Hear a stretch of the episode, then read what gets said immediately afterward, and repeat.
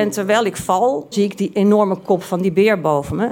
In de wekelijkse podcast Echt Gebeurd worden al meer dan 10 jaar mooie, grappige, spannende en ontroerende verhalen verteld door de mensen die ze zelf hebben beleefd. Het regende bommen, dat wil zeggen, om de zoveel tijd ontplofte er een bus. Er zijn al meer dan 400 afleveringen van Echt Gebeurd verschenen. Dit is geen sjamaan, dit is een achterhoeker. Abonneer je nu op Echt Gebeurd in je favoriete podcast-app.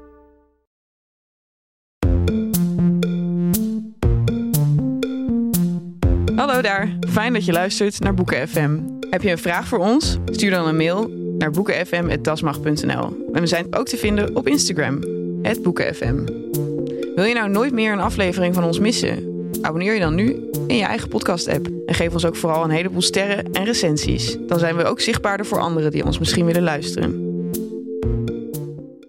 Ze heeft toen ook van die nummers gemaakt over van je moet niet met mij fokken, want ik ben Taylor Swift. Uh, Now we got bad.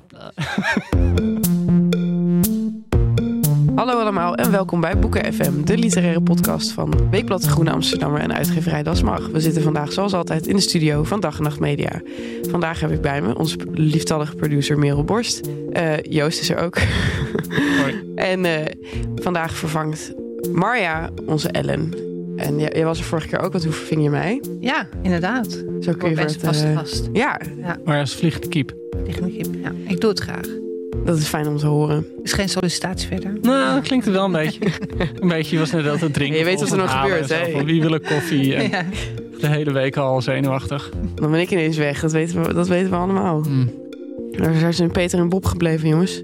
Nooit meer iets van gehoord. ook. Nee, nee. Vandaag gaan we het hebben over. eh, eh, nadat er weer ons vaak is gevraagd om of we weer eens een Vlaming konden behandelen. En ook omdat het gewoon een heel goed boek was, eh, vond ik. De gebeurtenis Spoiler. van Peter. Ja, maar dat stond al in de Groene Amsterdammer. Oh ja, het weekblad van, eh, van Amsterdam. Eh, de gebeurtenis van Peter Terrain. Terren. Terin. Terren. Terin. Is het Erin. Terrin? Terrain. Ik, ik zag ook dat rook aan. Dan moet je ook zeggen. Peter, Peter, Peter. Terrain. Terrain. Pierre Terren. Ja. Eh, De meest Vlaamse Vlaming die we konden vinden. Echt de leeuw van Vlaanderen galoppeert door zijn aderen. hebben zij ook een leeuw? Nee, had de leeuw van Vlaanderen. Dat was zo'n ridder. Oh, oké. Die had de Gulden Sporenslag in de, ik zeg uit mijn hoofd, 15e eeuw, 14e eeuw. Toen kwamen de, de Belgen in opstand tegen, tegen de Fransen. En toen kwam de Franse eh, aristocratie op paarden en ridders. En de Vlamingen, dat waren gewoon de boeren. En die slachten toen zoveel ridders af dat ze toen allemaal de sporen van de lichamen van de Fransen konden trekken. Weet je, de hoef, sporen die je als ridder aan je hiel had zitten om je paard aan te En daarom heet het de slag van de gulden sporen. En dit weet ik omdat ik alle afleveringen van de Rode Ridder heb gelezen. Het is zo schattig. Goed, eh, Vlaanderen dus. Een rijke geschiedenis. Ehm, misschien kun jij ook iets vertellen over de geschiedenis van, eh, van, eh, van Peter Terrin. Terrin. Ja, Peter Rin is voor mij wel echt een van de schrijvers waar ik altijd heel benieuwd naar ben. Gewoon puur omdat hij elk boek dat hij schrijft weer een totaal ander boek lijkt te zijn dan het vorige boek. Dus je weet echt niet wat je kan verwachten. Hij is, ja, hij heeft echt al echt een flinke. Het is ook wel hatelijk. Dan lees je zo in. Het staat van Peter in eerder verschenen in het boek. En dan zo elke twee jaar een nieuwe roman. Echt zo'n hele steady werkende schrijver. En hij is ook heel veelvuldig gelauwerd en gekranst, zag ik. Ge- gelauwerd, gekranst, eh, door de straat gedragen. Ehm, Toch en- lijkt het op een of andere manier niet een heel bekende schrijver. Vinden jullie niet? Nee, het, nou ja, het, het is, hij heeft niet het publiek dat een Tommy Wieringa zou hebben. Nee. Terwijl ik hem wel echt een stuk interessanter vind. Waar En zit ik- dat hem dan in, denken jullie? Nou ja, voor mij, wat ik, wat ik al zei, dat steeds anders. Zijn grote doorbraak was in eh, 2009 met De Bewaker. Wat ik gek genoeg niet zo'n geslaagd boek vond. Maar dat was een boek over twee bewakers in, eh, die een huis met daarin waarschijnlijk een gezin moeten bewaken. En ze staan gewoon het hele boek in de parkeergarage. En ze hebben het idee dat er buiten allemaal dingen aan de hand is. Maar ze kunnen het niet zien. Dus het is een soort de grot van Plato. maar dan verplaatst naar een, een Kelderbox. samenleving. Ja, naar, naar een garagebox met twee anonieme bewakers... die zich afvragen of de apocalyps begonnen is. En dat was voor mij zo'n boek waar te veel... Ja, het was heel slim gedaan. En, en als parabel werkt het ook heel mooi. Maar het werkte ook zo goed dat het bijna dan tegen je gaat werken. Dat je denkt, oké, hier heeft iemand iets heel slims bedacht. En daarna schreef hij ehm, Postmortem, Mortem, daar heeft hij de ACO mee gewonnen. Dat was, ja, had, had ik ook voor een deel een bezwaar tegen. Oh, nu lijkt ik heel Was kritisch dat de opeens. roman over dat kind? Ja, dat was een roman over een, een ehm, schrijver en zijn kind. Er gebeurt iets met zijn kind. Die wordt ineens, ineens heel, blijkt opeens heel ziek te zijn. En dat was zo'n verhaal in een verhaal. Dus oh ja. de schrijver maakt het mee. En tegelijkertijd krijg je ook te lezen hoe hij dat als schrijver dan omzet naar fictie. En daarna schreef hij een boek. Dat is echt een van mijn favoriete boeken eh, van de laatste tien jaar. Eh, Monte Carlo. Het is echt zo'n hele mooie kleine novelle. Van, eh, ja, het speelt zich volgens mij in de jaren zestig af. Bij de Grand Prix van Monte Carlo. En er, de auto's staan klaar voor de start. En opeens springt er een vlam op. En de mechanicien komt in actie en die redt een of andere ster. Eh, die, zij stond daar toevallig naast. En hij redt haar het leven. En die man raakt heel erg verbrand. En dan ja, krijg je in een hele poëtische hoofdstukken de rest van zijn leven mee. Waarin hij nadenkt over wat hij heeft gedaan. Of hij er goed aan heeft gedaan. Of hij nou trots op moet zijn of niet. Het gaat op een gekke manier ook heel mooi over wat is geloof. En, en bestaat er een hogere macht. En dat is echt een boek op, ik denk 150 pagina's dat steengaaf is. Steengaaf. Heel gaaf. Steen, steengoed. Keigaaf. Steengoed. Ik dacht Eh, dat je helemaal aan het vervlaamsen was. Nee, dat, dat is een kei. Dat is, ehm, Dat mag niet, hè? en daarna had hij volgens mij Yuka. Dat was een boek waar ik niet zo door... Het was een soort van droomboek met allemaal rare dingen door elkaar heen. Toen had hij Patricia, zo'n hele verstilde roman over een vrouw... die uit haar leven, eigen leven probeert te verdwijnen. En zijn meest recente boek is Al het Blauw.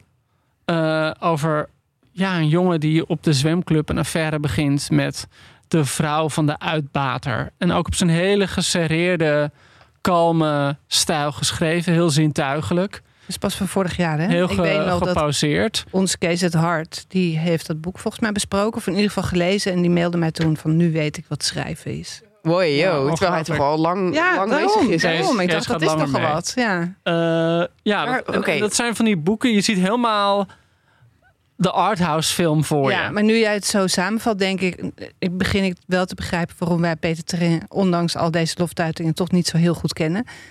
Je hebt schrijvers die staan als persoon voor hun werk en je ziet het werk niet meer.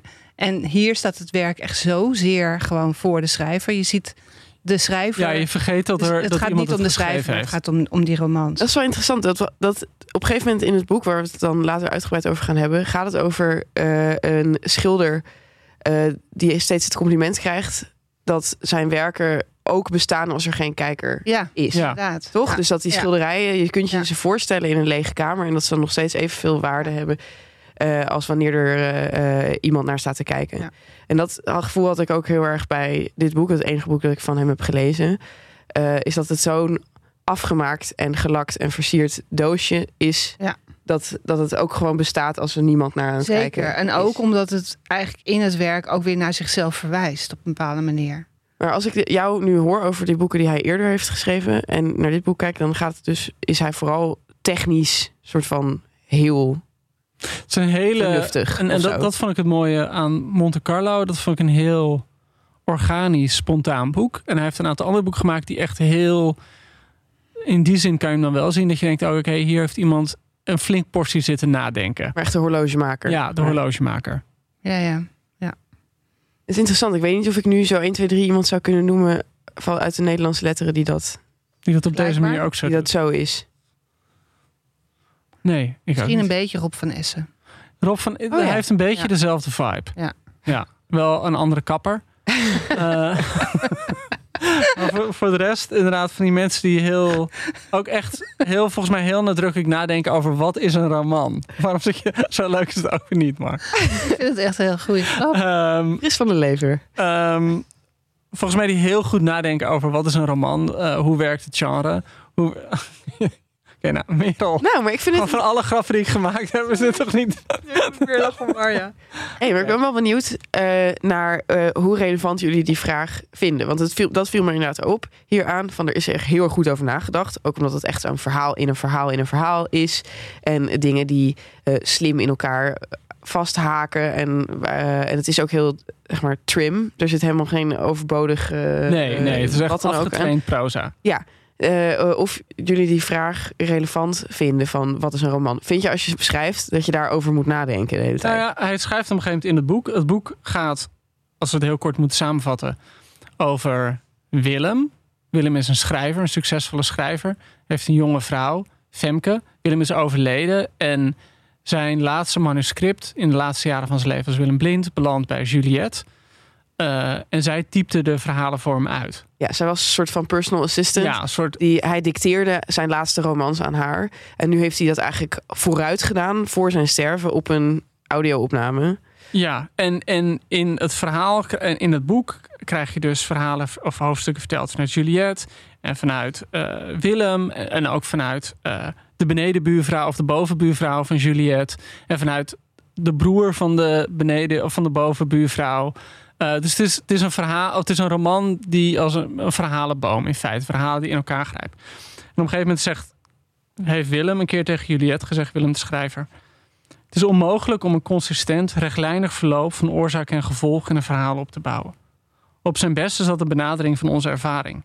In plaats daarvan is het nodig om een geheel samen te stellen uit verschillende deeltjes, die allemaal wijzen op verbondenheid, constellatie, niet op eenvolging, draagt de waarheid in zich. En ik las dat die opmerking, toen heb ik meteen een aantekening bij gemaakt, want het is altijd zo nadrukkelijk.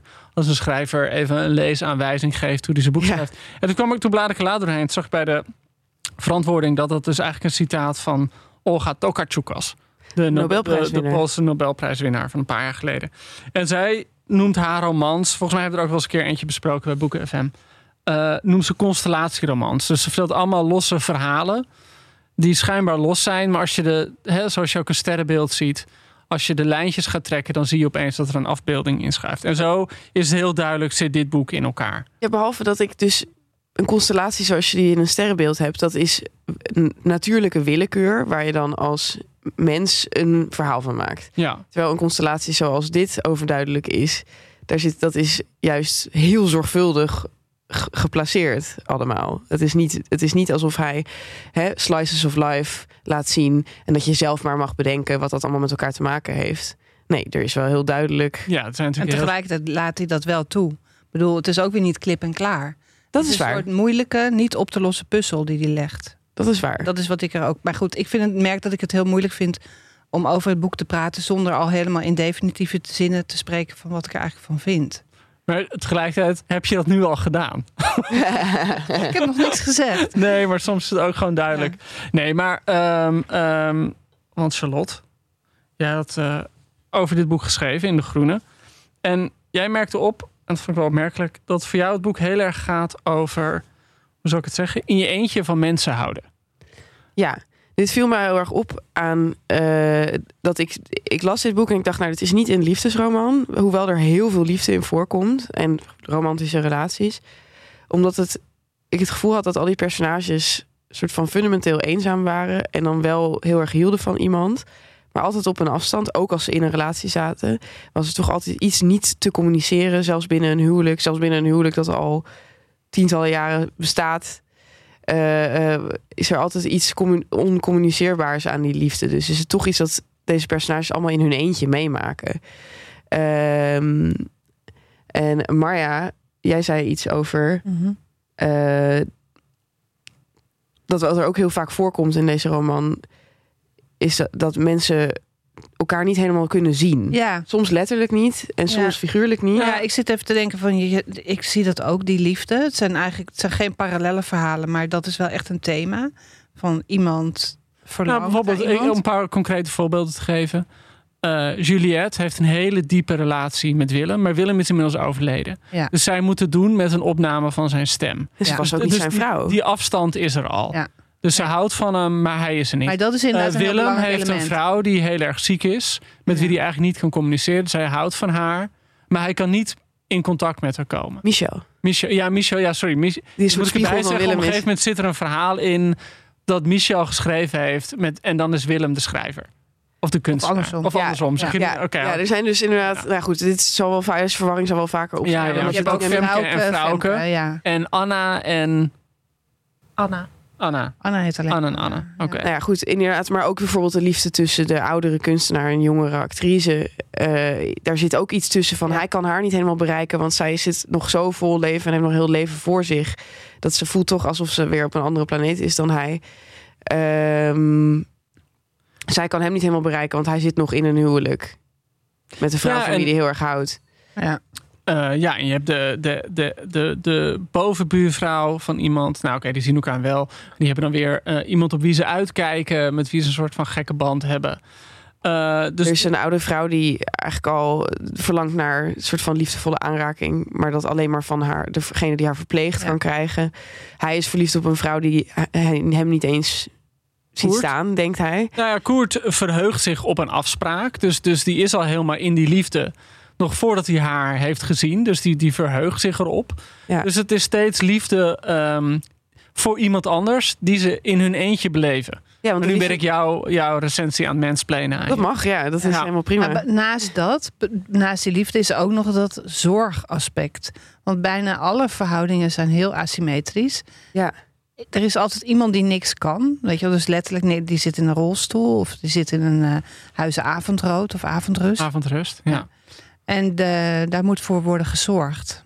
Dat is wel ook leuk om even na te lopen. Je hebt dat verhaal van ehm, Frederik. Die voor eh, Rosa is zijn zus. Rosa is dan weer de benedenbuurvrouw, de bovenbuurvrouw van Juliette. En Frederik heeft volgens mij echt zo'n zorgrelatie met Rosa. Dat Rosa een beetje een eenzame vrouw is. Op een of andere manier is de liefde nooit bij haar aangekomen. En hij heeft het gevoel, ik moet er een beetje op sleeptouw nemen. Je hebt natuurlijk Juliette, die eh, zorgt voor De nalatenschap van de ja, de nalatenschap. Ja. En zorgt er ook voor dat die boeken überhaupt tot stand komen. Je hebt, ik denk dat, dat Femke op een bepaalde manier ook zal denken van... ik, ik zorg voor die oude man. Mhm. De schrijver zorgt weer voor zijn zieke vrouw. Ja. Eh, eh, Koert is verzorger in een eh, in huizen avondrust. Dus dat zorgthema is inderdaad Ja, en dan heb je ook nog de buur. Oh, Frederik buur- heeft een zwangere vrouw. Ja, Thuis, is daar een soort van van tweeling. Oh ja. rationeel, irrationeel van wordt. Ja, Waar hij dan daarvan voor moet gaan zorgen. Ik vind het wel interessant dat je dat noemt. Ja. Want het is niet hetzelfde als liefde natuurlijk, zorg. Nee, het is ook een soort verantwoordelijkheid. En ook is er elke keer dat, dat dreigende schuldgevoel als je niet goed voor iemand zorgt. En eigenlijk die, de centrale figuur, de schrijver, schilder met zijn eh, gehandicapte vrouw, die geeft natuurlijk eigenlijk ook toe aan zijn eigen eh, verlangens of zijn begeerte.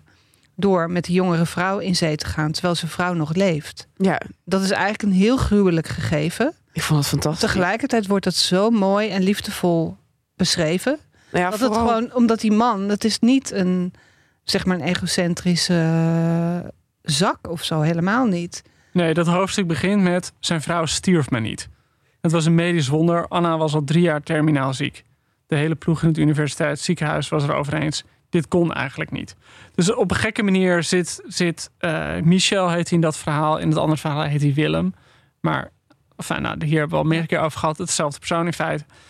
Leeft hij al in de rouw van hij weet, mijn vrouw gaat weg. Alleen, Ja. ja, hij kan niet aan een nieuw leven beginnen, want die vrouw is er nog. Hij kan ook niet meer echt communiceren met zijn vrouw. Ja. Nou, wat Ja. wel interessant is, is dat de mensen die zorgen, dat het feit dat je dan die zorgtaak hebt, maakt je alweer bijna blind voor de verlangens van degene die je aan het verzorgen bent. Ja. Want hij zorgt dan wel voor zijn vrouw, maar hij, weet, hij heeft toch niet helemaal door wat ze echt nodig heeft. Nee, en dat is ook heel spannend aan hoe het wordt opgeschreven. Ja. Omdat eigenlijk schrikt hij ook als hij bijvoorbeeld een sms'je van zijn minnares binnenkrijgt. Omdat hij toch het idee heeft dat die vrouw daarop reageert. Ja, En ook, ze- hij woont in een heel groot huis. Dus hij denkt, ik kan het me veroorloven om nog iemand anders binnen te halen. Ja, hij, hij besluit dan zijn vriendin, Ja, zijn minnares, in huis te halen met het idee van het huis is zo groot, ze hoeven elkaar niet tegen te komen. Ja, maar hoe dat gebeurt, dat vond ik ook heel mooi beschreven. Eigenlijk heel kort.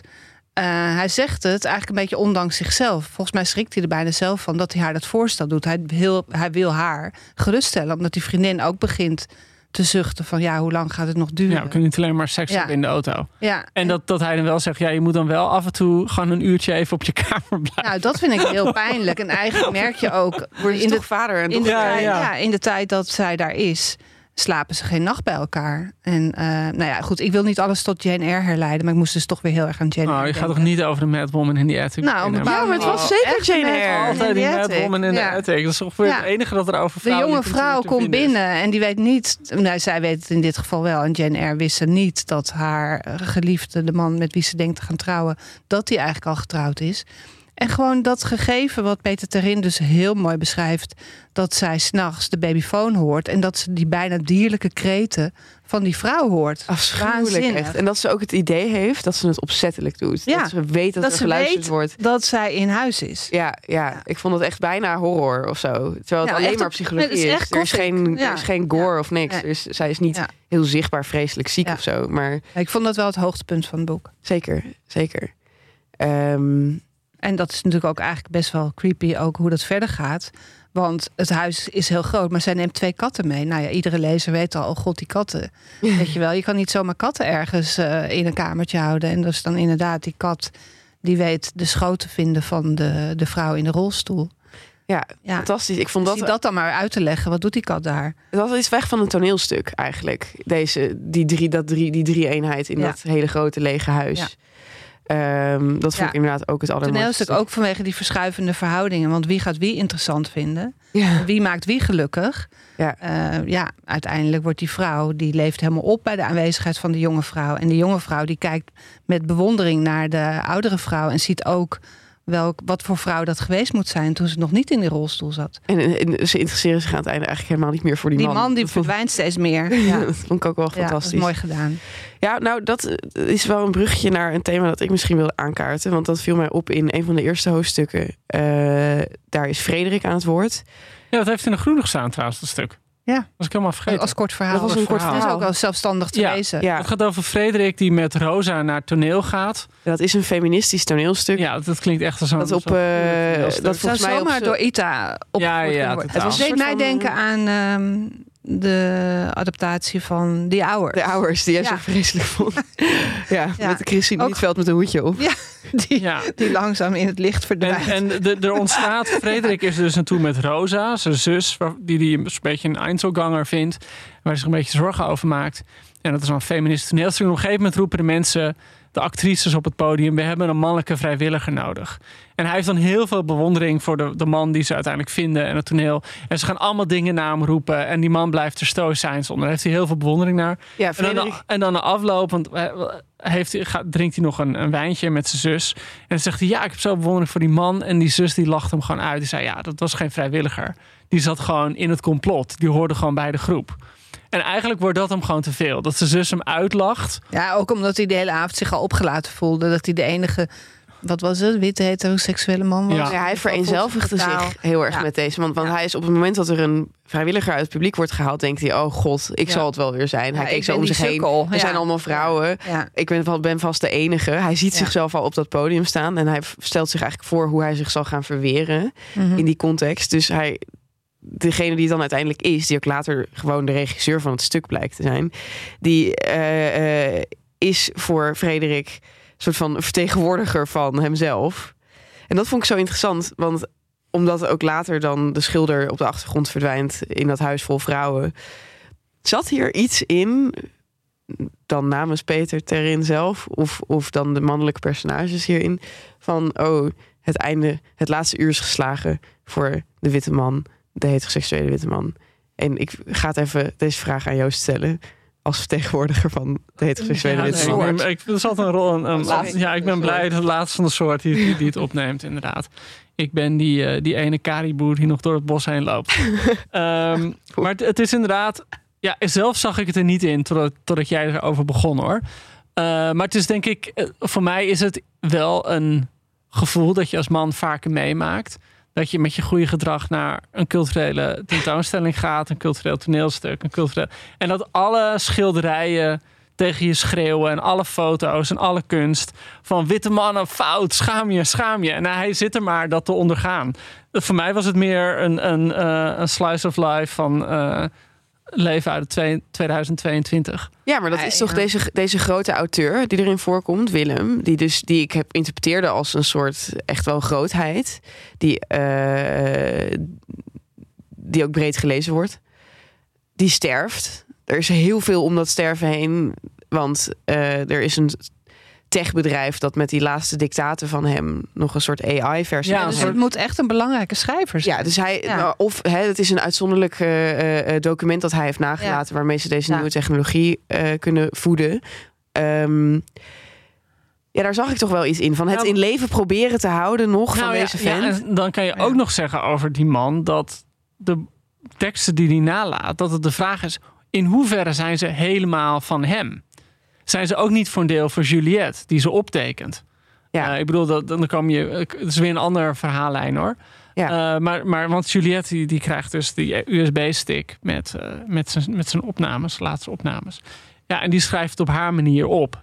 Heb je eigenlijk het idee. Dus de vraag is ook van, is, is die, die laatste witte man nog wel aan het woord? Nou, dat vroeg me, want al eerder, want dat, dat, dat eh, onthult Juliette op een gegeven moment, dat in dat proces van dicteren, dat heel intiem was, zij en hij samen in dat kantoor, en hij vertelt haar wat ze moet opschrijven en schrijft het op, dat dat eigenlijk al jaren niet meer was, dat hij woordelijk dicteerde. Hij zei eigenlijk al jaren dingen tegen haar, zoals van, ja, en doe dan een scène die, waar ongeveer dit in gebeurt. Dus dan denk je, ja, maar Juliette is dus zij is niet een muze of een, of een, of een secretaresse. Zij is schrijfster. Zij is degene die deze boeken heeft geschreven. Nou, en, Ja. en daar, daar begint het boek ook mee dat ehm, Femke, dus de officiële weduwe van de schrijver, eh, een aanklacht heeft ge- gedropt tegen Juliette. Omdat ze het niet kan uitstaan dat Juliette eh, over de manuscripten gaat en over het, het, het materiaal en de nalatenschap. En dan het laat, dat begint het boek mee. En aan het laatste hoofdstuk komt dat weer terug. En dan eh, is het duidelijk dat, dat er ook een, een rechtszaak echt speelt. En dan denkt de Juliette van ja shit, als ik de opnames laat horen, dan win ik de rechtszaak niet. En heel veel meer dan dat eh, legt Peter Terin ook niet uit. Maar gaandeweg wordt het dus steeds duidelijker dat die man gewoon misschien wat zei. Die schrijver die brabbelde wat. En zij schreef het uit. Maar hij gaf aanwijzingen. Ook ja, hij gaf aanwijzingen. Ja, ook over hoe zij over de vrouwen moest schrijven. En die aanwijzingen werden eigenlijk steeds meer rudimentair. Dus zij moest het steeds meer invullen. En eh, ik denk eigenlijk wat dat betreft dat het toch geen toeval is dat het toneelstuk wat wordt beschreven. Dat het niet alleen eh, allemaal jonge vrouwen zijn die in eenzelfde soort dracht eh, de vrouwelijke, het vrouwelijke creatieve talent of zo moeten representeren. Maar ook dat het Oh ja. het ermee eindigt, dat, dat de scène is dat het eindigt met de vrouw, dus die vrouw of Femke, die haar hoofd in de oven stopt. En dat is, vind ik, wel echt een. eh, het is geen sneer, maar het is wel een soort van filijn commentaar, volgens mij, van Peter Terin. Op de vrouwelijke Op creatieve... de vrouwelijke creatieve geest. En dat hij zegt van jullie beleiden jullie slachtofferschap, jullie, jullie, jullie fout. gaan erin zwijmen, jullie zwijmelen ermee. Terwijl ondertussen eh, maken jullie totaal de dienst uit. Oh, wat een mooi. Wat een. eh had ik er niet in gelezen. En heb je niet eens het doorzettingsvermogen om tot aan je graf door te gaan met schrijven. Je steekt gewoon je hoofd in de oven op Ja. de dertigste. Ja. Ja. Ja, en daar kijken jullie zo graag af. naar. Ja. Ja, net dat, dat, ik snap het, want dat was ook het gevoel wat mij bekroop. Zoals jullie misschien nog weten toen ik naar de Hours keek. Ja. Al die vrouwen in de zaal en iedereen echt zuchtend als Virginia Woolf in de persoon van eh, Chris Nietveld gewoon zichzelf verdrinkt. Daar kunnen we geen genoeg van krijgen om daar naar te kijken. We houden zo van het verhaal van Sylvia Plath die de hoofd in de oven steekt. Ja. Waarom? Van dat verhaal van de vrouw die ten onder gaat aan de dominante man. En zo Ja. niet haar eigen kunst Ja. kan beleiden. ja, maar dat vond ik... Ja, goed. En waarom, waarom, waarom is dat een lekker verhaal? Eh, omdat het iets. Het is een soort heroïsch slachtofferschap, denk ik. Het is. eh, je zou alles kunnen, waren het niet dat je in de weg wordt gezeten. Waren het niet dat aan je getrokken wordt. Dat je tegen je zin in moeder bent geworden. Dat je man eh, vreemd gaat. eh, dat je ouder wordt en lelijker. En eh, dat is het verhaal. Oké, heroïsch slag. Waar je heerlijk woedend over kan worden. Nou ja, dit is natuurlijk... Dit is wel de, de soort van ongenereuze interpretatie toch hiervan. Van oké, vrouwen die willen heel graag geloven dat ze grote kunstenaars zouden zijn, waren het niet waren dat. het niet dat. Ja, dat al die obstakels. Ja, dat denk ik wel soms ook. Ja, aan de andere kant geldt het voor zo iemand als Sylvia Plath wel degelijk. Tuurlijk. Ja. Nee, maar goed, ik heb het dus nu even over de blik van Peter Terin. En ik vind dat eigenlijk wel een goede grap van hem. ja, maar het interessante is wel dat de twee grote kunstenaars die hierin voorkomen, dat zijn de, de schilder en de grote schrijver. Die zijn ook allebei eh, heel goed in hun werk en heel, hebben er heel veel geld aan verdiend en zo. En de vrouwelijke kunstenaars die hierin voorkomen, zijn een soort van ja, een kittige actrice. Ja. Ja, En een vrouw die eigenlijk- goed is. Die eigenlijk niet zo goed Ja. is, maar wel een lekker Ja. wijf. Ja. En geen ondergoed aandraagt. eh, Ja, wat dat betreft weet u nog die scène die erin zit... dat ze met z'n allen naar de kroeg gaan. En dan gewoon zitten te lachen over die regisseur of zo. Dat Ja. vind ik ook best een vilijne scène. Ja. Ja, want wijven, hè, Ja. die, die, die eh, eh, kunnen eigenlijk niet anders dan, Nee. eh, dan roddelen, over grote ja. kunstenaars, regisseur. Ja. maar wel Ja. met ze naar bed gaan. Ja, en dan vervolgens ook Ja. met ze naar bed gaan. Ja. Eigenlijk is het een hele misogyne boek. Misogyne Wat? Boek. Wat? Live komen we erachter.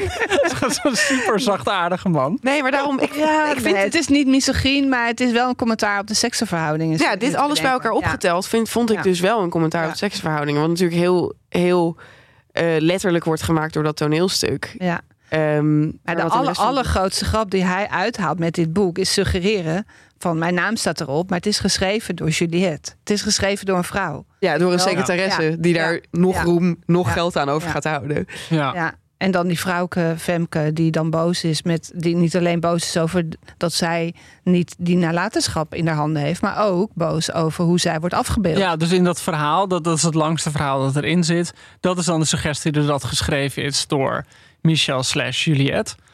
Eh, Alles is geschreven door Juliette. ja, alles is, nou ja, goed. In ieder geval, dat verhaal is het helemaal expliciet. Ehm, waarin zij gewoon inderdaad ja, als een gek afkomt. En dat wordt dan gevolgd nog door een ander verhaal. Waarin eh, Femke, de actrice slash, in dat verhaal is dan Vrouwke, op vakantie gaat met een nieuwe vriend. Wat ik een heel mysterieus verhaal vond. Ja, heel Eh, mysterieus. ze gaat op vakantie met een vriend Sean. En vanaf het moment dat ze vertrekken op het vliegveld... is er heel tijd een ander stel dat achter hun aanloopt en met hen meeloopt. En in hetzelfde vliegtuig zitten en naar hetzelfde resort gaan. een soort ordinaire, opdringerige... Ja, ik, ik had een beetje Comfort of Strangers van Ian McEwan in Inderdaad. gedachten. Ja. Die willen eigenlijk gewoon hun eh, verleiden. Ja, en, en dat gebeurt ook op het einde. Ja. Dat zij naar de hotelkamer loopt en Ja. opeens die, haar vriend met die vrouw Die aantreft. totaal onaantrekkelijk wordt beschreven. En eh, Heel opmerkelijk. dat, Ja. dat, het eindigt ermee dat, dat die opeens die man van dat stel haar bij de hand neemt. En dat ze gewoon maar met hem meegaat. Ja, en dan is ze dus woedend. Geen idee Ja. wat er gaat gebeuren, maar Ja. waarschijnlijk ja, de Ja. beurt van het leven. Ja. Ja, maar dit is dus het personage Femke, vrouwke, zeg maar de kittige jonge Ja. actrice, die eindigt ook weer in een scenario waarin ze het zelf niet allemaal, allemaal zelf niet heeft Ja, bedacht. maar wat, wat ik daar wel een grappig, een grappig variant aan vond, dat ze eigenlijk in dat langere verhaal dat er meteen voor zit, ontevreden raakt eh, over haar relatie met een oudere man. Ja, En dat het bijna is van, oké, je wil een jongere vent, bam, dan gebeurt er gewoon dit. Dan Ja. word je gewoon op je vakantie weggegeven aan een andere Ja. man. was maar in dit dat huis zeg maar blijven het wonen. alternatief Ja. is. Ja. Ja. Eh, ja. Maar goed, als je, hè, we lopen allerlei verhalen door elkaar heen. Als je het soort van één thematisch, eh, eh, één rode draad in zou zien, wat, wat is het dan? Ja, goed, we hadden dan die, die op- niet onbeantwoorde liefde, maar in ieder geval ja, die liefde op afstand. liefde op afstand. Ja, wat ik ook nog zat te denken, ook vanwege de blindheid van de schrijver. Alles gaat heel erg om, om ja, wat, je- dat iedereen ziet altijd alleen maar wat hij denkt of wat hij wil zien. En iedereen vergist zich uiteindelijk, blijkt dan in de volgende verhalen. Dus je hebt die, eh, dat verhaal van eh, de Frederik die in het toneelstuk zit en die denkt dat het een echte vrijwilliger is. Terwijl misschien is het toch iemand die bij die in het complot zit. Ja. En echt tot op het laatst houdt hij dat vol. Dat hij dan Ja. echt die actrices in een busje ziet stappen en denkt: hé, hey, wat leuk, de vrijwilliger is er toevallig bij. Ja, dan houdt hij zichzelf denk ik een beetje voor Ja, natuurlijk. Ja, maar dat is gewoon Nee, want zien wat je, wil zien wat je wil Ja, zien. je wil zien wat je wil zien. En eh, nou, dan de, de gehandicapte vrouw die, eh, die niet weet dat eh, haar jongere rivale in huis is. En dan op een gegeven moment wordt er dus al tegen haar gezegd van ja, het is de dochter van die en die. En dan denkt ze even, dat begrijp ik trouwens niet helemaal, denkt ze even dat het haar eigen dochter zou Ja. kunnen zijn. Ja, Eh, je hebt dat verhaal wa- waar we het net over hadden van eh vrouwke op vakantie. Die de hele tijd dat stel dat achter hen aanloopt als het gevaar ziet. Maar eigenlijk is het gewoon eh, een liefdespartner. Ja. Dus dat is ook niet wat het is. Maar ik vind dat een heel eenzame gedachte of zo, om een hele roman over te schrijven. Dat ik, ik vond het heel het is allemaal- beklemmend dat Ja. niemand echt, echt tot iemand anders kan doordringen. Iedereen vergist zich over elkaar. Iedereen is soort van in zijn hoofd iets heel anders aan het meemaken dan. Ja, maar dat is er- toch echt een klassiek literair thema. Dat je gewoon geen idee hebt wat er in de ander omgaat. En dat de ander een heel ander leven, Nou, een heel ja, andere beleving Ik zou heeft. je nog wat zeggen. In het echte leven is het ook zo. Ja, Nee, ja. niet waar. Echt niet niet. denken dat je me Mensen kent. kennen Niet mij. denken dat je me kent. Ja, maar dat vind ik wel, dat is wel heel mooi gedaan, vind ik. het is weinig hoop. Ik bedoel, er was niks hierin waarvan ik dacht... oh, hè, mensen kunnen van elkaar houden. En dat ze het menen en dat het ook echt iets betekent voor allebei. Maar vinden jullie dan niet? Want, want eh, ik gaandeweg dacht ik. Het lijkt soms misschien alsof we dingen spoilen voor de lezers. Ik hoop dat dat niet echt het geval is, omdat die verhalen echt individueel moet je ze lezen, denk ik. Maar het, het slotverhaal eindigt echt met een huwelijk. En dan komt iedereen ook bij elkaar. ja, En het gekke is, het heeft een heel zoet einde op die manier. Dat je, je leert die personages kennen door de verhaal als best wel eenzaam. Maar ze, ze, ze zijn niet eenzaam. Ze leven in een constellatie. Nou ja, het boodschap is eigenlijk dat mensen tegen de klippen op... allemaal nog wel dan de hele tijd bij elkaar in huis gaan wonen... en dan maar baby's maken, dan maar... Nee, dat vind ik dus juist niet. Want ik vind wel dat hij heel aannemelijk maakt dat die liefde er wel echt is. Dat vind ik ook heel mooi aan hoe die Willem over Anna denkt. Oh ja, Dat hij ook nog heel goed weet hoe ze was toen ze nog niet in die rolstoel zat. Het is heel liefdevol. dat is waar. En eh, ik vind ook heel liefdevol hoe die Koert eh, als verzorger omgaat in Huizen Avondrust. Met eh Jeannette heet ze. Jacqueline. Jacqueline. Jacqueline. Eh, hoe die haar aanraakt en hoe hij haar daar een plezier mee doet. Ja, en vind het ook misschien is heel- het de illusie heel- voor Jacqueline, maar ze geniet ervan. Ik vind het ook heel mooi, die perspectiefwisseling van Jacqueline. Dat ze het ene moment hem vreselijk vindt. Een beul. Ja. Een beul. En het andere Ja. moment heel erg om hem geeft. Nou, ik het allerliefst vond, was gewoon het detail dat hij heeft dan, gaat s'avonds weg. Of hij heeft weekenddienst, weet ik veel. Of hij is er dus niet. En dat hij gewoon een bepaald washandje klaarlegt voor degene die hem vervangt. Omdat hij weet hoe lekker die stof is voor haar. Ja, Maar wat ik trouwens ook een heel mooi Heel mooi, moment van ja. niet zien vond, is dat meerdere mensen die Koert duiden als een creep, als een beetje een, een eng figuur. Eh, en dan op een gegeven moment is eh, Rosa, gaat, Jacqueline, gaat Juliette bij Rosa langs, haar bovenbuurvrouw, die altijd thuis is. En die is er dan niet. En dan gaat ze helemaal de politie bellen. In de veronderstelling, nou, die, die is gewoon dood of vermoord. Eh, dus ik bedoel, zo zie je iemand aan, een soort van eenzaam slachtoffer. En het Ja. blijkt dus dat ze gewoon met Koert een geweldige romance beleeft. Ja. En ze, dat is ook zo slim naar- gedaan, vind ik, van Terin. Dat hij eerst zo die Rosa beschrijft via de geluiden die zijn onderbuurvrouw, haar onderbuurvrouw hoort. En dat je dan al denkt, oh, die vrouw die is heel alleen. En als je, als je er dan even niet hoort, dan denk je inderdaad ook, oh, dat is typisch zo'n vrouw die nu dood die door de katten wordt opgegeten, as we Ja. speak. Ja. Ik had wel heel even, op een gegeven moment wordt er, wordt er genoemd dat er een meisje vermist is. En toen dacht ik, oh, zou je zien dat Koert die gewoon eh, als, als een vleesjas Oh, ja. heeft aangetrokken of Ja. zo. Maar zo, zo, zo, Zo is hij het niet. Clarice. maar, maar zo is ze. eh, Maar dit is ook wel zo- echt- Zo'n boek is dit duidelijk Nee. niet. Nee. Hey Merel, Hey Joost. gaat ie man? Goed. Ja? Ja, Nice. ja Ja. Zijn er eh, nog vragen voor ons binnengekomen? zeker. Eh, we hebben een vraag van Jules. En Jules. die eh Hoe vraagt... schrijf je Is dit Jules? gewoon Jules? Of Jules. Ja, kan natuurlijk ook. Eh, Is het J-U? J-U-L-E-S. Jij noemde Ellen altijd Jules Dekwits. Ja, maar dat doet iedereen van mijn generatie. Wij kennen allemaal Jules Dekwits. Oké, Jules Jules. klinkt wel een beetje Spa- Spaans-Vlaams, toch? Ja. Kan Dus we doen. Jules. Oké, Jules. Ehm, lieve Ellen, oké, maar eh, dus ook Marja, eh, Charlotte, Merel en Joost. Pas vanaf mijn twintigste heb ik, mede door jullie podcast, de overstap gemaakt van enkel non-fictie naar ook het lezen van literatuur. Nice. Nu, zo'n twee jaar later, heb ik nog steeds regelmatig moeite om door literatuur heen te komen. Zo waren Melville, Garcia Marquez en soms zelfs Dostoevsky en Tolstoy erg bevredigend, maar ook een worsteling. Ook zijn er boeken waar ik vrijwel niets van begreep, zoals Dante's Divine Comedy. Ach, maar Nou, goed. doe je jezelf dat ook aan? je nogal wat. Op zich begrijpelijk. Ehm, hebben jullie tips waarmee ik mijn schijnbare tekort aan imaginaire vermogen kan compenseren? Helpt het bijvoorbeeld om boeken zoals A Swim in a Pond in the Rain te lezen? George Saunders. Of word je, oh, Charlotte. Of word je automatisch een betere lezer door het gewoon veel te doen? Groetjes namens een trouwe luisteraar en Ellen Dekwits fan. Haha. Wat is dat toch? Waarom is iedereen zo fan van Ellen Dekwits? Wij zijn ook fan van Ellen. Dekwits, maar ja, true. Maar we kunnen het niet uitleggen voor onszelf. Nee, Jules, weet je wat het is? Kijk, eh, je noemde de goddelijke comedie van Dante. Nou, dat is een soort who's who van de late middeleeuwen. Niemand kan dat boek lezen zonder eh, een notenapparaat erbij. Ik bedoel, het is allemaal leuk en aardig, maar er komen zo van na. Natuurlijk weet je niet wie die en die pauze is en wat hij precies misdaan heeft. Dus, dus leg de drempel ook niet onmogelijk hoog voor jezelf. En bedenk ook dat literatuur eh, fijn is als het tot je spreekt. Maar als je nou 50 bladzijden in een boek leest en je denkt, ja, ik snap het niet en ik vind er een hol aan.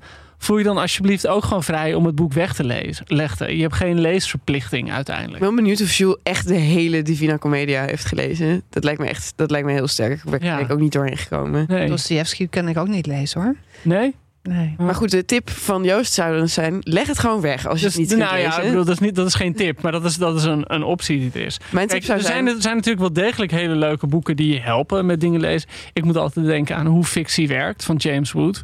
Die gewoon een, een heel fijn boek is. eh, waarin hij uitlegt hoe werken mooie zinnen. Hoe, wanneer werken metaforen extra goed. Hoe, werken perso- hoe komen personages het best tot z'n recht. En dan ga je weer helemaal op En metaniveau. dan ga je op meterniveau. En dat is, dat is dan een handreiking hoe je op een, op een gevorderde manier over literatuur na kan denken. Ja, ja. Maar uiteindelijk sta je er in je eentje voor, denk ik. Ja, En- mijn voornaamste advies zou dus ook zijn om het vooral op je eigen leesplezier af te gaan. In deze fase van je leven. Wij schelen niet zoveel, jij en ik, Jules. Eh, ik denk dat ik veel aan te danken heb dat ik gewoon jarenlang niet zo bezig was met, met de interessantste dingen gelezen moeten hebben. Eh, dat het begint nu een stuk belangrijker te worden. Dan vindt iedereen ineens heel raar als je bepaalde dingen niet gelezen hebt. Maar er was een tijd dat ik gewoon alleen maar murder mysteries las. En eh, ja, weet ik veel, twaalfdelige re- reeksen van eh, boeken over een meisjesvriendengroep. Die niemand ooit gelezen heeft, omdat het gewoon toevallig ergens lag. Omdat het dan niet belangrijk was. En dan, ja, dan kom je toch wel, dan train je wel die spieren toch of zo. Van een heel boek doorkomen. Ehm, dus dat is allemaal geen, geen verspilde tijd, wou ik maar zeggen. Als je gewoon dingen leest die je misschien als plat ziet, maar die je leuk vindt om te lezen. Dus als je dat. eh, als er dingen zijn waarvan je denkt, oh, die durf ik niet in de trein te lezen, zou ik zeggen, doe dat toch maar. ja, lezen is ook geen strafwerk of zo. Nee. Nee. Ja, aan de andere kant is, zijn sommige dingen nou eenmaal best wel zwaar te verteren. En die, als je dan dat interessant vindt, moet je het toch maar lezen. Nou ja, kijk, ik- ben ook wel zo dat soms kan je ook iets meer waarderen omdat je er een bepaalde moeite voor moet doen. Ja, maar in de eerste instantie, als je nog het leesplezier bij jezelf aan het opwekken bent in de eerste Ja. plaats, denk ik. Maar ja, dat, dat is natuurlijk ook een van de fascinerende dingen. Dat, dat had ik ook toen ik begon met lezen. Eh, ik was gewoon in het wilde weg, ging ik dingen lezen. En dan ging ik alle boeken van John Steinbeck lezen. Nou, die zijn echt zo saai. Weet je wel, oké, daar? economische crisis, Dustbol, allemaal, allemaal vreselijk. Weet je, zo'n heel hoofdstuk van een schildpad. Gramschap. Gewoon de druif van gramschap, weet je. Dat is een schildpad die de, de weg overstreekt. En dan twee, twee hoofdstukken lang. Eh, dus, dus je leest in het wilde en dan met totale tegenzin gelezen. Eh, en, en dan? soms, ja, gewoon omdat ik dacht dat moet. Dat, Van wie ik, moest ja, dat? Van mezelf. Omdat ik dacht, ik, wil, ik ben geïnteresseerd in literatuur. Ik wil gewoon lezen wat grote namen zijn en wat klassiekers zijn. Oké, dus dat en is wel... de punt is, en, en ik bedoel, dat is zoals het. Dat is on- onmisbaar natuurlijk. Daar kom je niet omheen. Sommige boeken echt iets voor jou zijn. En andere boeken echt niet iets voor jou zijn. En dat, dat geeft ook helemaal niet. Maar mijn ervaring is ook op een bepaalde leeftijd ben je zo gretig om te lezen dat je ook heel veel kunt hebben. Dat je gewoon ontvankelijk bent en het ook niet erg is als iets een beetje boven je begripsniveau gaat. ja. Is het gewoon maar niet, weet je wel, je moet, een boek moet je niet met weerzin of eh, zelftwijfel gaan vervullen of zo. Maar er zijn heel veel heel mooie boeken die op een bepaalde manier simpel zijn en tegelijkertijd waanzinnig literair. Oorlog en vrede. Ik bedoel, er staat geen zin in die je niet begrijpt. En toch is het een van de grootste romans Ja. ooit geschreven. Ik blader wel meestal voorbij de oorlog altijd. En ik kom maar weer aan met Elschot. Elschot is gewoon een heerlijke schrijver. En het is gewoon eh, lekker Vlaams. Nou. Tolstoy en Elschot, jongens. 19e eeuw is Ja. goed vertegenwoordigd. Nou, en tenslotte zou mijn advies denk ik zijn om ehm, jezelf niet al te veel te straffen als je niet meteen helemaal verliefd bent op alles dat je voor Nee. je neus Nee, hebt. inderdaad. Ik moet denken aan eh scène in eh, Leaving the Etosha Station van Ben Lerner. Waarin hij voor een schilderij staat, elke dag opnieuw. Omdat hij eigenlijk Prado. erop gebrand is om een genuine experience of art te hebben. Hij wil gewoon een oprechte ervaring van kunst hebben. En het lukt hem niet. En dat neemt hij zichzelf heel erg kwalijk. En dat staat natuurlijk, die ervaring van kunst, nog meer in de weg. Vooral omdat hij een andere man ziet die in huilen uitbarst bij het schilderij. Ja. En dan denkt hij, dit is wat ik ook wil Ja. bij een Ik kunstwerk. moet het nu ook En het voelen. punt is dat, dat als je met dat idee naar een kunstwerk toe gaat, dan gebeurt het nooit. Nee, Dat kan je alleen overvallen op een onverwacht moment. Ja, dus dat zinnetje, genuine experience of art, dat spookt wel eens door mijn hoofd. En dan, dat, Ja, ja. vooral op momenten dat ik denk, oh nee, waarom ben ik nu niet hè, heel erg bewogen of heel erg aan het huilen? Of is dit niet, dit is, is toch hele grote literatuur, waarom doet dit niks met me? Dat moet je gewoon loslaten, denk ik. Ja. Er is nog een vraag, Ellen. Merel. Oh my god, Ja. we missen Ellen zo Ja. erg. Mama. Ik mis Ellen ook hoor. Ehm, ja, van Veronique. Van, eh, eh, Is dit de Veronique? De Veronique van Lotte van de Boekenmaatjes. En Veronique die, eh, die schrijft ons met het volgende. Ehm, dat ze allereerst genoten heeft van onze podcast met Hilary Mantel. En eh, daarna dit. Ik ben slechtziend en daardoor afhankelijk van luisterboeken van passend lezen. De oude blindenbiep of commerciële partijen. Lotte en ik, Lot is dus het boekenmaatje, wilden wel eens weten wat Joost zoal geschreven heeft. Begonnen aan Clausewitz, niet verkrijgbaar op Storytel of andere commerciële kanalen. Dus aangewezen op passend lezen. Maar dat boek wordt op zo'n abominabele wijze voorgelezen dat het echt doorzetten wordt. Of doorzitten. Ed Joost, waarom lees je je eigen boeken niet voor? Dat doet Arthur Japin bijvoorbeeld ook wel eens. Nou, als Arthur Chapin het doet. Ik, is wel dat Arthur Chapin en ik heel veel gemeen hebben met elkaar. Exact. Eh, ik moet altijd denken aan jouw Arthur Chapin verhaal, Marja. Dat je net in Utrecht woonde. Ja, dat ik Arthur Chapin zag fietsen met eh, ontbloot bovenlijf. Oh, Ik zou hem denk ik niet herkennen als hij geen shirt aan had. Nou, hij was zo op zijn gemak. Hij was zo Arthur Chapin. Eh, ik vond het heel indrukwekkend. Maar ehm, volgens mij is, is Clausewitz en volgens mij een ander boek van me ook wel door zo'n, eh, volgens mij is een halve computer ingesproken ook. Ehm, en halve computer? Het voordeel- ja, dat, dan hebben ze zo'n maniertje om dat te doen. Ik weet niet precies hoe dat werkt. Heb ik je wel eens over, over, over Bookbeat verteld? Bookbeat.nl, jongens. Meer dan een half miljoen titels voor maar 8,99 per maand. Ga nu naar bookbeat.nl. Nee, maar ehm, eh, ja, wat ik wel zou kunnen doen is... ehm, ik kan een keer een verhaal eh, gewoon voorlezen. Gewoon een hele boeken FM aflevering. Dat ik gewoon een verhaal voorlees. Kan misschien een special edition zijn voor de herfstvakantie of Dat zo. is een hele leuke bonus voor de luisteraar. Wat leuk. Maar Zouden jullie dat echt leuk vinden? ik zou het serieus echt heel leuk vinden. Waanzinnig narcistisch als ik dat zou doen.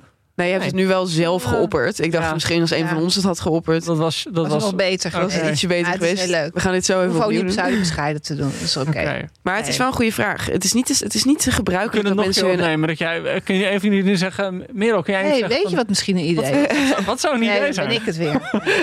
nee, maar Veronique vraagt het zelf. Ik wil, wil dat jij iets voorleest. Oké, nou, dus Uit het je gaat eigen werk. Dus we gaat gaan het gewoon. Oké, gaat gebeuren. Maar het is misschien over het algemeen wel een goede vraag van... is het gebruikelijk dat schrijvers hun eigen werk voordragen? Jij doet het wel, toch? Ik heb er eentje voorgedragen. Eh, Het hele, een heel... oplossingen heb Ja, oplossingen heb jij eh, helemaal Ja. ingesproken. Ja. Ja, volgens mij gebeurt het heel veel. Ik vond het heel Dat gebeurt steeds meer in ieder geval. Ik heb echt gewoon, eh, ben drie keer in huilen uitgebarsten ook. En eh, ik vond het echt een enorme Het intens, hè? Ik Ja. weet nog dat ik, dat ik eh de Schaantijger uitbracht, mijn verhalenbundel. Dat ik echt al helemaal bedacht had dat elk verhaal dan door iemand anders voorgelezen moest worden. Ja, door En toen, hebben bepaalde ze me gewoon, mensen. toen hebben ze me gewoon nooit gevraagd om wat te doen. Dat is echt Dus een ja, leuk idee. ja, echt zonde. Ja. Dan hadden we echt gewoon een hoekstra gevraagd. Oké, nog Eeuwige Hanna Hoekstra. vragen? Ik vraag me af wanneer jij eh, uitgekeken raakt op Hanna Hoekstra. Dat is mijn vraag. Denk nooit. When a man is tired of Hanna Hoekstra, he's tired of life. Oké. Marja, volgens mij had jij ook nog een vraag. Ja, dat houdt me nu vandaag weer bezig. Ik heb me het al eerder afgevraagd, maar er is volgens mij vandaag weer iets met haar. Doe je nu een live ingezonde vraag? Ik doe een live ingezonden vraag. Ik dacht, Van eh, Marja misschien- uit Amsterdam. Ja, van Marja uit kan- Amsterdam. misschien is het is een beetje een buitenliteraire vraag.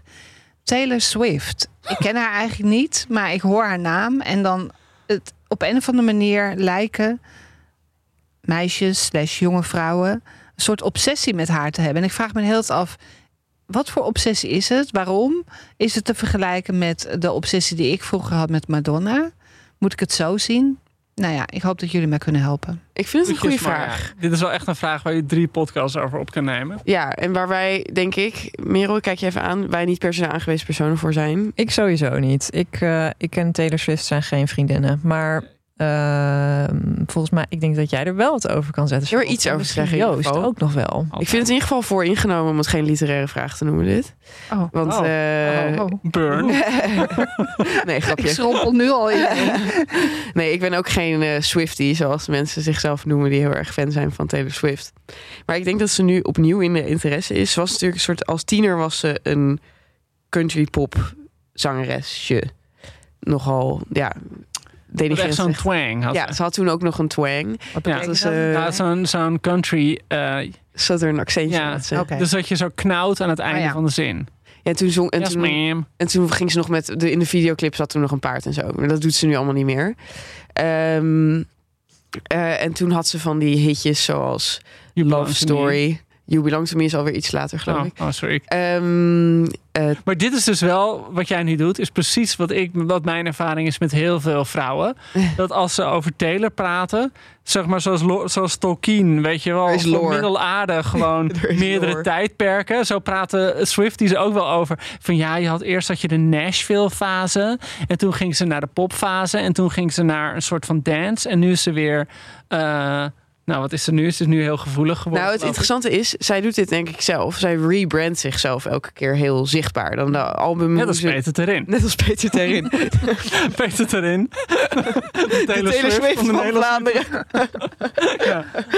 Ehm, nee, eh, ja, god, waarom ze dan nu weer heel erg in de aandacht is, is omdat eh, zij is eigenlijk door de oorspronkelijke deal die zij had met eh, degene die haar muziek uitgeeft, was het allemaal niet van haar. Dus was zij er weinig winst op aan het maken. Mhm. Eh, eh, en bleek die gast ook nog een leier te zijn. Ik weet ook niet meer wat er nou precies gebeurd is. Maar in ieder geval heeft ze al heel veel van de muziek opnieuw opgenomen. Want ze heeft nog wel recht op de soort van. Ze is nog wel de schrijver van die muziek. Maar de audiosporen waren niet meer van haar. Ja. Ze heeft dan nu opnieuw opgenomen, al die oorspronkelijke dingen. Eh, Want ze is niet alleen een uitvoerende artiest, ze schrijft haar eigen schrijft Ja. haar eigen muziek, Ja. een singer-songwriter. Oké. Ehm, ja, dus mensen vinden dat heel girlboss van haar. Ja, maar nu kom je... Oké, er spelen een aantal is dingen mee. knap? Wat- Is ze stoer? Nou, het grappige is, kijk, het punt is ook, het is zo'n doek waar je alles op kan projecteren. Ze was ooit dus, lief. Dus ze was ooit heel lief en stond ze voor country en toen werd ze meer mainstream. Het is ook zo heel blond Arische prinses, dus ze schijnt ook heel populair te zijn. Zo'n soort, soort van dream girl voor van die extreem rechtse incels. Dat is ook helemaal gek. Dus het is, ik bedoel, dat wil ze niet, maar dat is ze wel. Eh, dus het is zo iemand die door heel veel groepen een beetje wordt toegeëigend en geclaimd. Ze heeft een, heel, ze heeft een, een hele grote hoeveelheid publieke relaties gehad met hele populaire jongens. Daar gaan al die liedjes ook over. Dus Ja, ja. voor alle, alle eh roddelmedia is het gewoon een heel dankbaar object. Ze, hebben die, ze heeft die albums opnieuw opgenomen. En toen heeft ze een 10-minute version gedaan Ja. van All Too Well. En dat is een nummer dat, dat ooit ging over haar eerste liefde, namelijk Jake Gyllenhaal. Die toen, wat, Oh. 12 jaar ouder was dan zij? Of Ja, zo? of, eh, heel veel ouder is, is, was in ieder geval. En zij was toen 18 of zo. En daar heeft ze dus een langere versie van gemaakt. En dus die hele relatie na verteld. Ja, ja. Ehm, dus, dus in die zin is het gewoon zo'n heerlijk object voor de roddelpers. Tegelijkertijd, al die liedjes gaan op een hele high school-achtige manier over verraad en verlaten worden en verliefd worden. En ik ben over je heen. En, en omdat het zo, eh, het is echt een, een vreselijk woord, maar het is een storyteller. Dus die, al die liedjes zijn echt verhaaltjes. oh ja. Dus het is bijna alsof je een soort van soap aan het kijken bent als je al die nummers luistert. Dus het heeft geen feministische inslag. Nou, dat wou ik nog wel even toevoegen. Ze heeft dus op een gegeven moment heeft ze wel eigenlijk is, heeft zij bedacht van nou the times they are changing. En toen is er een soort nogal ja vrij goedkope eh, eh, feministische boodschap bijgekomen. Ze heeft toen ook van die nummers gemaakt over van je moet niet met mij fokken, want ik ben Taylor Swift. Eh, Now we got bad. dat is er een voorbeeld van. En er is die ene waarin ze soort van door slangen omring, omsingeld wordt. Omdat ze zit natuurlijk in de slangenkuil. Want ze had toen een soort beef met, met Kanye West. Met Katy Perry. En ze heeft... Oh ja, ken, ken je dat moment met Kanye West? Dat was een heel beroemd moment. Toen won ze een Grammy of een MTV Award. En toen ging ze de speech doen en toen kwam Kanye West oplopen. En die pakte de microfoon af. Zei hij, "Ta- Taylor, I'm gonna let you finish. Maar toen wilde hij eerst even zeggen dat Beyoncé eigenlijk had moeten winnen. Oh. Dat was echt gewoon een schandaal. En terecht Ja, ja. ook. Want Nou goed, dus zij is elke keer... Ze, is, ze houdt zichzelf, ze houdt haar eigenlijk haar handen schoon. Want ze is een soort van America's sweetheart. En er is dan een documentaire waar, waar dan uit blijkt dat ze heel hard werkt. En dat ze last heeft van een eetstoornis en weet ik wat. En eh, eh, tevens is ze toch ook weer verwikkeld in al dit drama. Waar ze dan zelf Ja. altijd zo van zegt van... oh, dat overkomt mij maar. ja, Eh, en is toch een soort van nou ja, vrij makkelijke feministische boodschap van girl power. Ja, ja. Want zij heeft het allemaal zelf gedaan. Ja. Is de muziek goed, vinden jullie? Nee, Of gaat het daar niet ik hou niet van ja ze heeft hele catchy nummers. om? Oké. Oh, Oké. Ja. Nou ja. Ja. dat was Taylor Swift. Yes, Taylor. Swift. Taylor Dus het is geen Madonna. FM. Nee, geen ja, Madonna. Nee. Als jullie meer, nee, nee, het is niet zo van wat een leuk. Wat, wat, wat, wat draagt zo'n grappige outfits. Nee, Dus maar ook niet taboe doorbrekend of zo. Nee, ze doet helemaal Nee, niks met oké. seks. Oh, oké. Nou, als jullie nog meer vragen hebben, eh, stuur ze naar boekenfm.dasmag.nl. Ook over Taylor. Ja, of eh, eh, jullie kunnen ook op ons op Instagram natuurlijk een Ja, DM sturen. Instagram. Ehm, zullen we naar het boek gaan? Ja. Wat zijn jouw gevoelens over het boek? Maar er waren wel echt een paar dingen. Ik bedoel, we hadden het. Volgens mij begon jij daar al over van dat het zo slim is en zo. Ik vind het, eh, ondanks alle mooie dingen die ik erin las, en ik zal het ook niet gauw vergeten. Ik vind het een beetje te slim bijna. Oh, dat En, zei jij net ook. eh, ja, bij eerdere boeken. Ja, ik vind het. Ik, ik wil, ik merk, maar goed, het is ook een roman, en dat is er heel goed aan, die mij confronteert met de vraag van wat verwacht ik dan van een roman. En ik merkte gewoon terwijl ik dit las, dacht ik, ik wil eigenlijk niet dat ik zie dat het bedacht is. En dat is natuurlijk totaal paradoxaal, want niks is, staat er zomaar. En dat vind ik ook heel fijn, als iedere zin is er één. Maar ik zie gewoon de, te veel dat het een kunstwerk is. Het zette jou dus aan het denken over eh, wat een roman voor jou zou moeten zijn Ja. om een mooi roman te zijn. En daar zit dus eigenlijk wat, er, wat jij vindt ontbreken bij hem is eh, een zekere emotionele rauwheid of weet ik veel, on, Eh, eh, ongecalculeerdheid. Hoe zou je dat beschrijven? Ja, nou, de stijl is natuurlijk best wel eh sec. En dat vond ik ook heel fijn. Ik merkte ook wel dat ik het eh, eigenlijk wel met veel plezier heb gelezen. Maar eh, ik zei in het begin al, er, er zit ook iets heel zelfverwijzends in het boek, wat me ook begon te irriteren. En bijvoorbeeld in het begin, als die Frederik naar het toneelstuk kijkt, dan heeft hij op een gegeven moment een zinnetje over dat toneel. En dan zegt hij: Het is meer een prestatie dan kunst. En dat gevoel kreeg ik ook bij dit boek. Wow. Het is een prestatie. Dat vind ik heel interessant. Eh, Het gekke is, ik had dat ook en tegelijkertijd niet. Want ik vind als je alle verhalen los zou lezen, vind ik elk verhaal heel mooi, heel menselijk. Met hele. Ik vond het echt niet menselijk. Ik bedoel, ondanks dat ik al die details heb gegeven van liefheid en menselijkheid. Maar sorry, ik zie je nu zo heel... Nee, nee, nee, nee prima. Ik, ik, eh, ik ik vind het een hele, ja. hele menselijke verhalen. Het zijn geen verhalen met een clue of met, eh, met een voor de hand liggend mysterietje of zo. Mhm. Dus ik vind alle individuele verhalen heel eh, menselijk en rijk en onverwacht. Mhm.